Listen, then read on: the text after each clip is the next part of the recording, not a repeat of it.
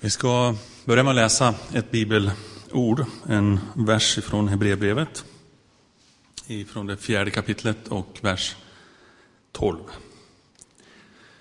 Och det står så här. Guds ord är levande och kraftigt och skarpt och verksamt. Och kraft. nu blandar jag ihop två översättningar, ursäkta, vi börjar om. Guds ord är levande och verksamt. Det är skarpare än något tveeggat svärd och tränger igenom så att det skiljer själ och ande, led och märg. Och det är en domare över hjärtats uppsåt och tankar. Det är levande och det är verksamt. Samma ord som vi använder för energi finns med i den här texten. Det är energi, det finns kraft i Guds ord. Och det, det här är naturligtvis givetvis omdebatterat i världen. Är det så att det finns kraft i Guds ord? Är det så att det är sant överhuvudtaget, det som står i Bibeln? Världens mest sålda bok, världens mest översatta bok. Den hatad och förbjuden i många länder, upphöjd, prisad i andra länder.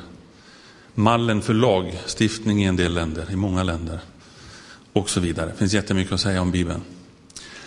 Men är den verkligen levande? Är det någon kraft i den? Och händer det någonting när man läser bibelordet? Framförallt den här hetaste frågan för de flesta. Är det sant, det som står där?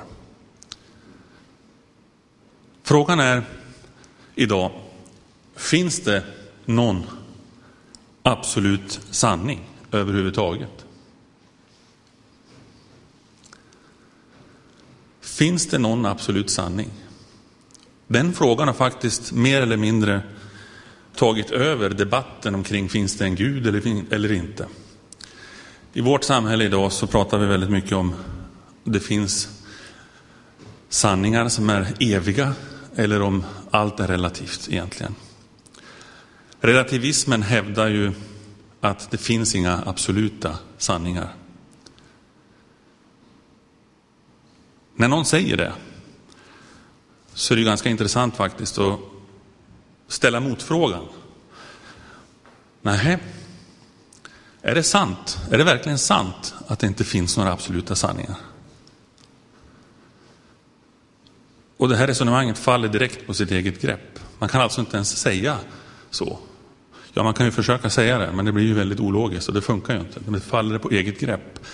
Det är som om jag skulle stå här och säga att eh, mina föräldrar, de fick aldrig några barn. Eller, jo, de fick ett barn, men det var bara min syster. Eller något sånt här. Liksom. Det, går ju, det går ju att säga, va? visst kan man uttala det, men, men det finns liksom ingen som kan tro på det. Det faller på eget grepp. Sanningen, den ändras inte, om det nu finns en sanning som är absolut. Oavsett vad vi tycker eller tror så ändras inte någonting som är absolut sant. Omständigheter kan ändras. Åsikter omkring den här sanningen kan ändras. Fakta runt om kan förändras. Men sanningen är ändå sanning. När människan kom fram till att eh, jorden är rund och inte platt så hade faktiskt jorden varit rund före det. Den blev ju inte rund i samband med att man kom på det. Det var ändå sant att den var rund redan innan. Och till och med om jorden skulle bli platt en dag och ändra form, så skulle det ändå vara sant att jorden var rund när vi påstod det. Det finns absoluta sanningar som inte går att liksom vackla på, i min, mitt sätt att se på det hela. Sen finns det som sagt en stor debatt omkring det här, kan det vara så? Man hävdar kanske oftare i dagens, i dagens samhälle att eh, att den är relativ i förhållande till dina egna situation och hur du själv känner och om du tycker att det här är sant eller inte. Eller om du, är det här sant för dig eller är det här sant för någon annan? Eller om man kan hävda så, att det är faktiskt sant för bara vissa. Men då undrar man ju om den sanningen är absolut. Eh, då kanske det inte är sant för bara dem eller bara mig. Ja, ni förstår själv, man kan få en intellektuell förstoppning om man håller på för länge med det där. Vetenskapen däremot, och samhällets syn på saker och ting, den ändras. Den ändras jättemycket. Den ändras konstant mer eller mindre. Inte allt, men väldigt mycket. Och här säger jag inte på något sätt för att se ner på vetenskapen. För den är fantastisk. Det är jättemycket imponerande med vetenskap och med forskning. Och jag skulle inte vilja att vi var utan den, aldrig. Det är jättebra. Men den är inte konstant. Och den har aldrig ens hävdat att den ska vara en absolut sanning. Vetenskapen, och, och nu ska jag kanske lämna vetenskapen och säga snarare hur samhället försöker påverka oss, hur man ändrar, ändrar olika uppfattningar, olika saker. Jag ska bara ge en bild. Ni kan ju läsa på några rubriker där. Kanske kan vara känsligt för en del som håller på med de här metoderna för att gå ner i vikt. Men ni vet, man kan, ja, det är massa eländen med, med vissa dieter här tydligen, medan samtidigt så finns det, ja, snett upp i mitten där mot vänster så står det att det är nyttigt också. Men eh, vi, vi matas ju av sådana här olika eh, saker som förändras och som ändras hela tiden. Det här får vi ju lära oss i skolan. Att eh, vi går från apa till människa.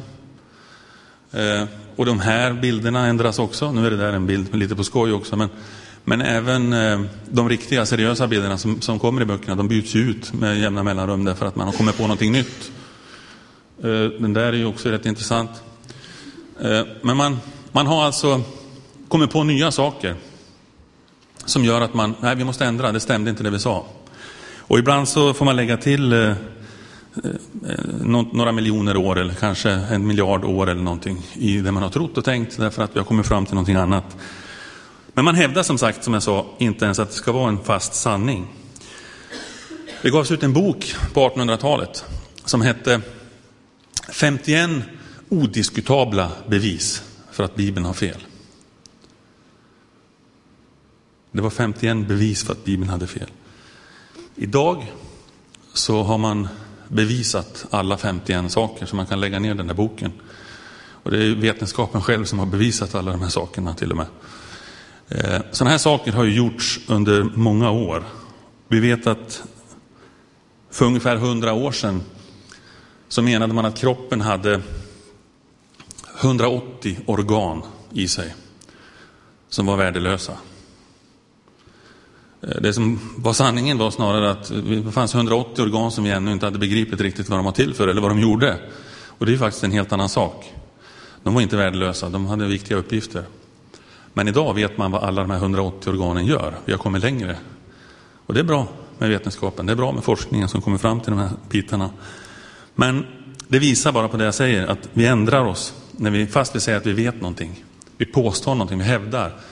De är värdelösa. Vi glömmer dem tills någon har kommit på något. Oj, de var inte värdelösa, ursäkta. Finns det någon absolut sanning som vi vågar lita på? Det är grundfrågan här. Tittar vi på Bibeln då och tänker, finns det någonting där som skulle vara sant då? Är allt sant där eller är det hälften sant eller hur kan det vara? Ja, många har ju hävdat att eh, massa saker i Bibeln är både påhittade och, och fantasier och överdrifter och allt möjligt. Eh, vi vet till exempel att kung Salomo, som det står en hel del om i Bibeln, han, var, han förnekades länge. Hans existens förnekades och sa att han inte funnits, det har inte funnits någon sån, någon sån kung, det har inte funnits någon sån i historien. Eh, I århundraden sa man att det, det, han fanns inte. Det finns inget annat som tyder på det. Eh, särskilt det här skriverierna om att han hade mycket hästar och sånt. Det är absolut kan inte, kan inte stämma, sa man. Vad är det här för något då? Jo, det här är Louvren i Paris. Jag missade att visa den först bara. Jag tänkte säga att i Louvren i Paris så finns det också fem och en halv kilometer. Det finns 5,6 kilometer. Hyll, hyllmeter brukar vi kalla det för, men här är det hyllkilometer. Med vetenskaplig litteratur. Som all den litteraturen är idag borta. Alltså man har kvar den där, men ingenting går att läsa längre och gå efter för att det är sant. Liksom, för det stämmer inte längre, något av det fem och en halv kilometer. Eh, det var det här jag skulle komma till när det gäller Salomo. Vi har ju läst om Salomo i Bibeln. Han ska inte alltså ha funnits, men eh, så hittar man i utgrävningar senare någonting som heter Tel Megiddo. En av Salomos så kallade chariot cities kallas det för. Man upptäckte Tel Megiddo och kom fram till att Det var väldigt, det fanns tusentals stall för hästar där också. Det kanske stämmer ändå då, det som stod i Bibeln. Och så får man kliva tillbaka ett steg och säga okej, okay, det kanske stämde. Vi har eh, ett folk som heter hittiterna. Det har vi läst om i Bibeln. Det är också ett folkslag som aldrig beskrivits någonstans i historien förutom i just Bibeln. Man sa i hundratals år även där, det här är bara ett påhitt som Bibeln har kommit på. Och Bibeln påstår, men de har aldrig funnits. Tills man kommer till början av 1900-talet och en man som heter Hugo Winkler kliver fram och upptäcker hetiternas gigantiska imperium som vi hade missat totalt. Man hittar gamla städer, man hittar en, en huvudstad som hette någonting som jag tappar nu, Bogaskoj, någonting hette den. Och eh, tiotusentals lerskrifter och bibliotek med massa fakta kring den här platsen. Och idag när du ska lära dig någonting om hittiterna, då finns det sådana här färdiga kartor om allting. Liksom. Så det här är historia. Idag har man fått flytta in det i den vanliga historien också. Bibeln hade tydligen rätt även där. Rätt intressant. Johannes Kepler, en man på 1600-talet, han sa så här. Science is only thinking God's thoughts, but after him. Vetenskapen är alltså, det är folk som tänker Guds tankar, men efter honom. Rätt intressant formulering. Tänk om det nu är så här att det finns absoluta sanningar i vår bibel. Sanningar om vad som är rätt och fel också. Då måste det väl vara otroligt intressant för oss att få grepp om dem. Och att bry oss om vad de säger oss, de här sanningarna. Alltså, Gud kan inte ljuga. Han ljuger aldrig. Gud är sanning. Så om Gud ligger bakom Bibeln så är allt som står där sant. Om det är Gud som är bakom hela Bibeln, då är allt sant. Och det får många en brottningskamp på därför att man vill pruta bort och liksom plocka bort vissa saker som man är lite obekväm och som man inte riktigt gillar. Men det går inte. Då måste, du, då måste du först förkunna och tala om att jag tror inte att Bibeln är Guds ord. För är det det, då måste allt vara sant. Då lyssnar man även på de ologiska sakerna. Vi vet att om man pratar med skolelever, eh, jag har gjort det ganska många gånger när jag varit ute på skolor och berättat om Gud och församling och sådär. Så är det väldigt vanligt att man säger att man har svårt att tro på vissa saker i Bibeln. Och man tar nästan alltid upp en populär grej är att Jesus gick på vatten. Det, är ju, det fattar du ju själv, liksom. det är ju omöjligt, det kan aldrig ha hänt. Liksom. Eller att man delade Röda havet mitt i. Det kan inte heller ha hänt. Alltså sådana här saker som man, det, jag får inte ihop det och då kan det inte vara sant. Tror att Gud kan ha skapat himmel och jord? Ja, det vet jag inte faktiskt. Men, men det andra, det fastnar man väldigt mycket hårdare på. Faktum är ju faktiskt att det är egentligen en vers i Bibeln som är den tuffaste att ta till sig av alla. Och tar du dig förbi den versen, då har du inga problem med de andra. Och jag syftar på första Mosebok 1 och 1. I begynnelsen skapade Gud himmel och jord. Om vi kan utgå från det, och om vi säger att det, det kan jag tro på att Gud har skapat det här. Ja, då är ju de andra sakerna peanuts, liksom. det är ju ingenting. Att Jesus skulle ha gått på vatten, skulle det vara något problem? Ja, vi kan göra ett universum här, men inte att han kan gå på vatten, det vägrar jag tro på. Det blir patetiskt. Stora frågan är alltså första Mosebok 1 och 1. Där avgörs egentligen allting.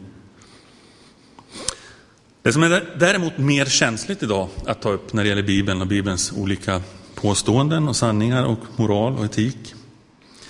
Det är helt andra frågor.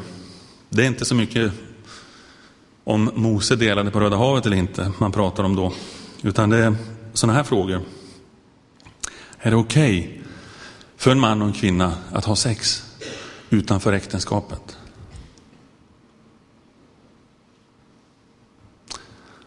Det är frågor som kan vi förespråka fri abort utan särskilda skäl? Och det är frågor som, ska vi som pastorer ställa upp på att viga personer av samma kön? Och då kommer vi in på frågor som är betydligt hetare i dagens samhälle och mycket mer i fokus. Och som också Bibeln har synpunkter på, riktlinjer för. Och frågan landar hos oss, hur tar vi ställning till det här? Och det blir svårare eller lättare, allt beroende på hur stort trycket är utifrån i samhället.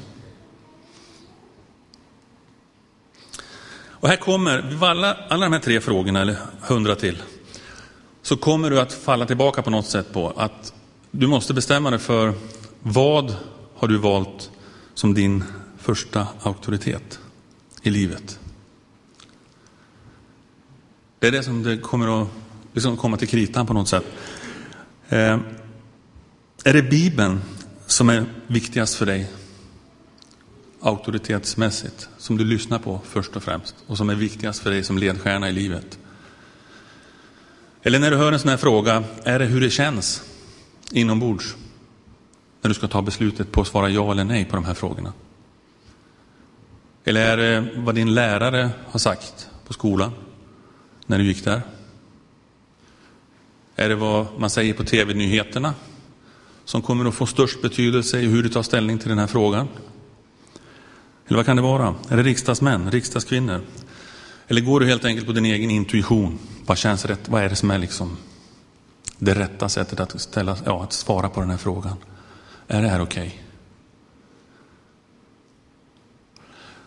Där avgörs också allting faktiskt.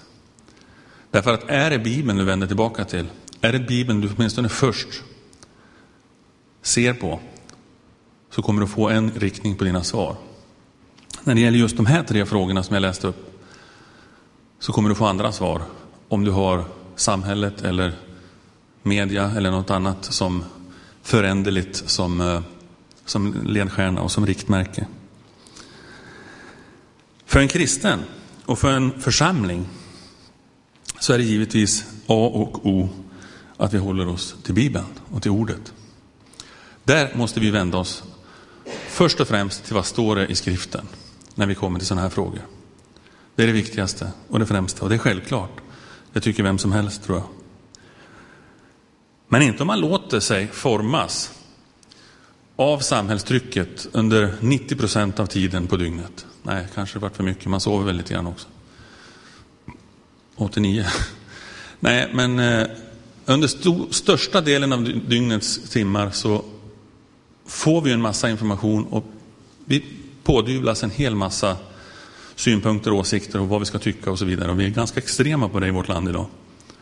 Det finns färdiga mallar för hur du ska tycka och du ska till och med tycka det på ett visst sätt. Johan Strandroth talade lite om det för ett par veckor sedan på eftermiddagsgudstjänsten här. Så är det. Det är inte bara att lägga fram vad som helst, utan du får ha, folk går därför omkring med liksom lite olika åsikter i olika fickor så här på något sätt. Om man nu sitter med en officiell åsikt som man tar på sig den hatten när man hamnar på jobbet, för då vet man att då ska jag säga så här och när jag kommer hit så ja, får jag byta lite grann här och säga någonting annat, därför att här är inte det så acceptabelt. Därför att man glider inte runt med en fast uppfattning, utan man glider runt därför att man befinner sig i en soppa och inte kan stå riktigt för det man har bestämt sig för att följa och tro på. Om man vill formas av Bibeln, och det är inte alla som vill, men om vi säger att du vill det, då behöver du bevaka att du själv hela tiden ger Bibeln den auktoritet den ska ha och den första plats den ska ha i sådana här frågor som är vanliga vardagsfrågor i livet. Jobba med att förstå vad ordet verkligen säger. Vad menar jag med det? Är det inte bara att läsa som det står och så gör man som det står? Jo, på ett sätt så kan man ju säga så. Men visst får vi erkänna att det kräver en del också, om vi ska gå in på detaljer, i att forska i vad det verkligen står. Och att läsa djupare. Lyssna på andra som har kommit fram till någonting. Pröva det återigen mot Bibeln. Stämmer det här? Kan det vara riktigt? Tolkningar, alltså formuleringar som står i Bibeln. Många har sagt så faktiskt, att ja, men, läs som det står bara och så gör du som det står bara. Ja, men det går faktiskt att tolka saker på lite olika sätt. Det, det är faktiskt sant.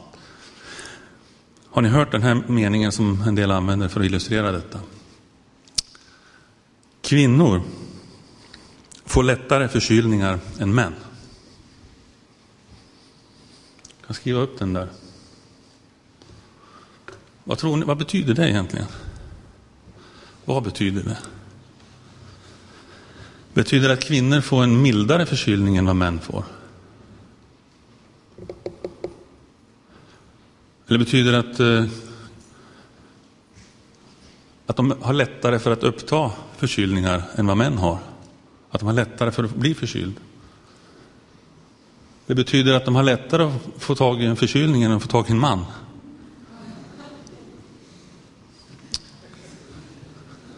Det är frågan. Det står ju det. Eller? Eller är det det att deras förkylningar är lättare än deras män?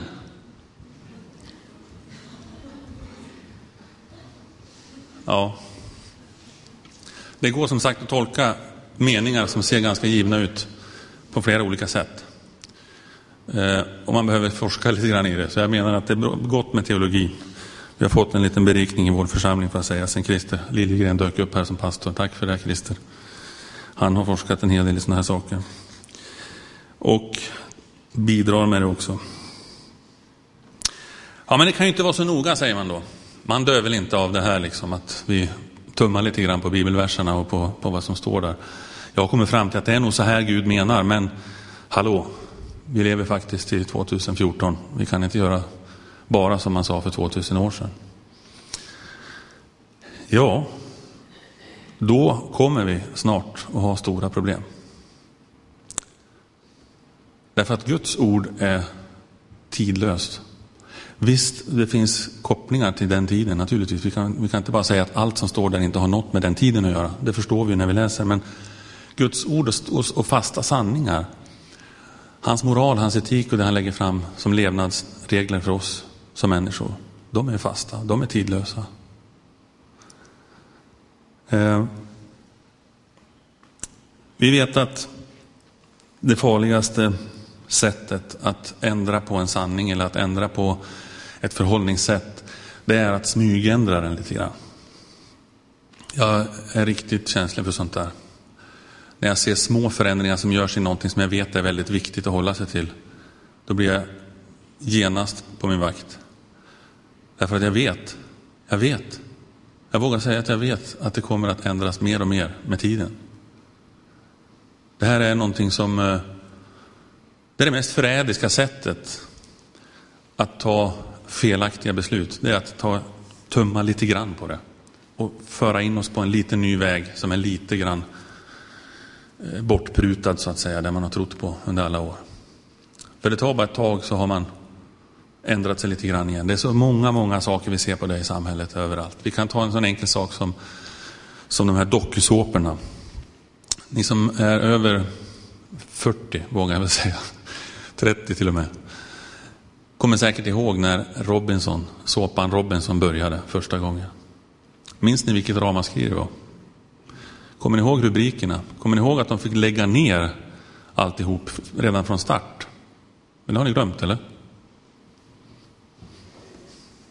Man startade och skulle köra de första avsnitten och så kom det ut hur fruktansvärt detta program var. Därför att man röstade ut människor ur en grupp. Så kan man inte bete sig. Det är så, det är så otäckt mot människan att göra så. Så producenter fick liksom pröva om alltihopa. Man fick spela in nya saker och liksom anpassa det lite grann för att det inte skulle bli för tufft. Alltså, som de, de ser ut idag, de här olika såporna, de, de, de, ju, de, går ju hur långt som helst. Liksom. Det finns ju det är ingen som funderar på att det skulle vara hemskt att rösta ut någon. Därför att man har liksom tagit lite vassare varianter med tiden, hela tiden. Vräkt ut nya versioner och nya modeller som blir värre och värre. Och till slut så står man på ett ställe där man aldrig trodde man skulle hamna. Aldrig. Det skulle aldrig ha fungerat för 20 år sedan. Men nu gör det det, därför att vi har glidit iväg åt det hållet och sakta tagit oss dit. Jag vet att jag för kanske tio år sedan tog en liknelse när jag stod och predikade här i den här kyrkan om kursändringar. En sak som jag faktiskt har fått höra fortfarande från en del som säger att jag kommer ihåg den predikan just av det skälet, att jag tog den här liknelsen. Så jag ska ta den igen. Jag minns när jag flyttade hit i början, eh, ja, några, några av de första åren här i Lidköping. Och vi hade båt, ja det har vi nu med, men eh, båten som, som eh, vi började använda, då fick man börja med att lära sig lite grann hur det funkar på sjön. Och hur det är med kurs, kursändring, avdrift och ni vet allt sånt där som ni som kan det här med båtar och som har, vad heter det nu, eh, förarbevis, har lärt er en gång i tiden. Med kompass och grejer får man sitta och räkna ut på sjökort hur man ska åka, för att det ska bli rätt. Eh, det jag lärde mig, som jag inte hade en aning om innan, när jag kom ut vid, eh, utanför naven och fiskade där ute. Så åkte jag runt i ett område där, och Klas heter ett ställe där också, Klasgrunden där. Eh, så märkte man att eh, kompassen, den var inte riktigt på banan, ska man säga. Den tappade precisionen ganska kraftigt till och från. Så där hade man liksom ett instrument man skulle följa och gå efter. Men eh, det var något som hette magnetiskt störningsområde som man kom in i. Och det finns faktiskt varningar också på sjökortet att här är det ett sådant område. Så här kan du inte riktigt lita på vad kompassen säger längre. Där lärde jag mig att det finns någonting som är bättre. Det finns någonting som heter GPS. Och en GPS, den eh, kan du inte heller lita blint på. Men du kan i alla fall komma ifrån hela det här omgivningens störningar. Eh, du, du får signaler från himlen, bildligt talat, från satelliterna som sänder ut. Så får du signaler från himlen som du kan lita på mer än vad du kan på de signaler som är där ett magnetiskt störningsområde.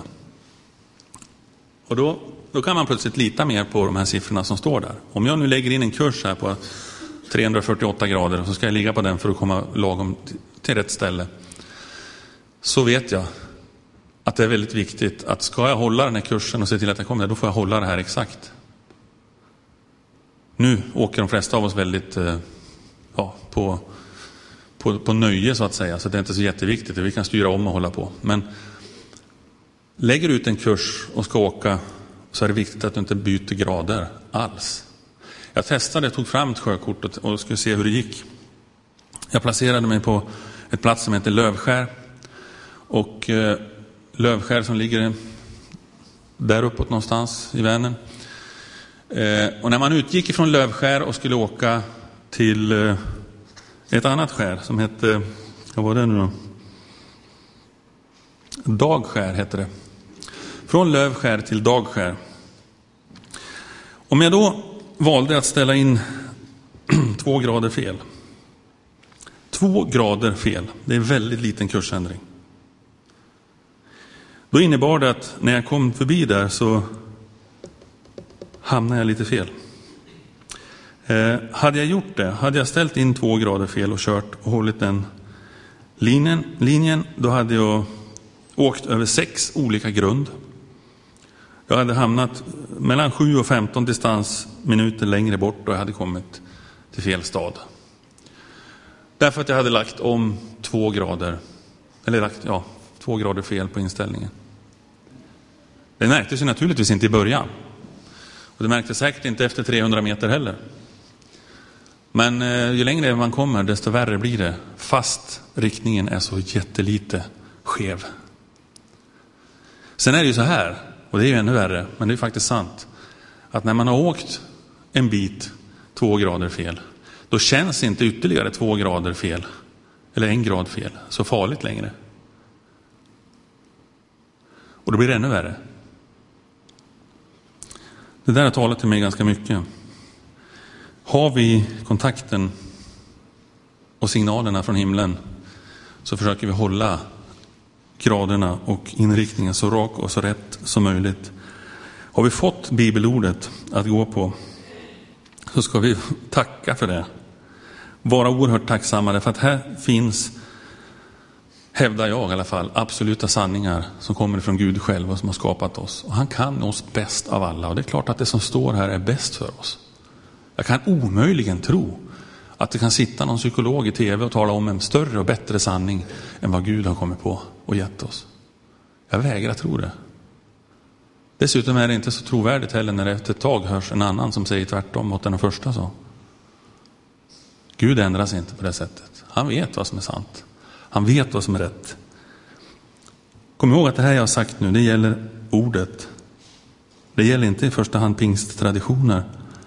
Det gäller inte i första hand segertoner eller lovsånger eller om vi ska ha mötet klockan 10 eller klockan 11 eller några sådana här saker. Det står det faktiskt ingenting om vad jag har läst i bibelordet. Men däremot så gäller det tunga sanningar i undervisning som Gud har till oss. Låt Bibeln vara din auktoritet. Då vinner du massor i längden. Inte bara på kafferasten. Amen.